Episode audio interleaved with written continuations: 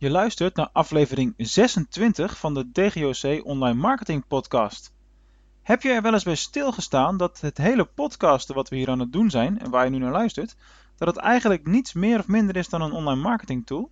Nou, vast wel. Ik ben natuurlijk een online marketeer en je volgt mij, in dit geval via deze podcast. En dus ben je er ongetwijfeld van bewust dat alle vormen van content marketing, waaronder natuurlijk ook podcasting, eh, toch een vorm is van uh, expertstatus opbouwen, uh, je kennis delen en dat soort dingen. Kortom, het is een bewuste keuze om met podcasting aan de slag te gaan. Nou, de vraag die ik bij jullie vandaag neer wil leggen is: hebben jullie er zelf wel eens aan gedacht om met podcasting te beginnen? Zou podcasting iets voor jou kunnen zijn?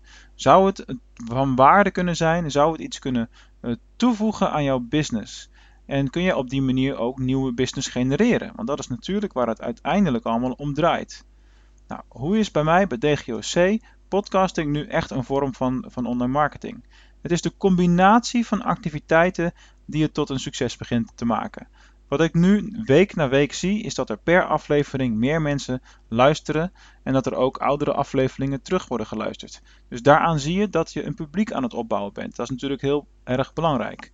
Uh, je moet je realiseren op het moment dat je met een podcast begint, dat het misschien wel maanden kan duren voordat je een beetje een, een redelijk grote hoeveelheid mensen hebt dat aan je luistert. Dat is ook logisch, dus je moet het stap voor stap opbouwen.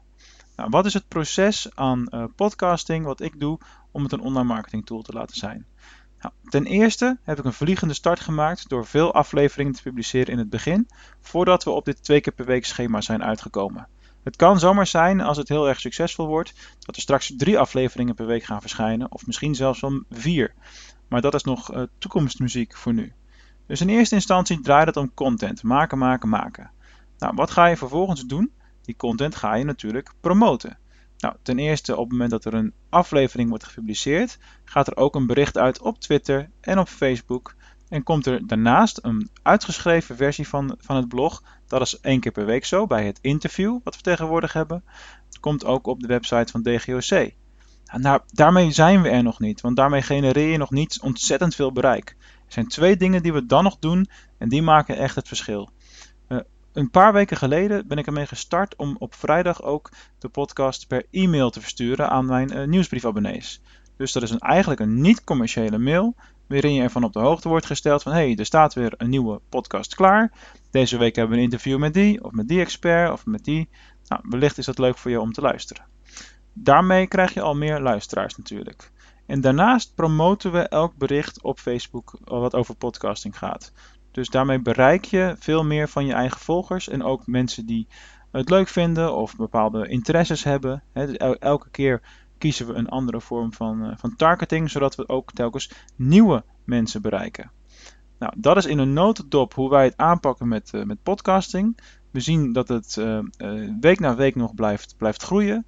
ik vind het onwijs tof om te doen. Dus ik blijf hier ook voorlopig zeker mee, mee doorgaan. En de vraag waarmee ik jullie wil eh, achterlaten voordat we uh, over twee dagen natuurlijk weer een interview publiceren, is denk er eens over na of podcasting iets is wat jij kunt inzetten als online marketing tool.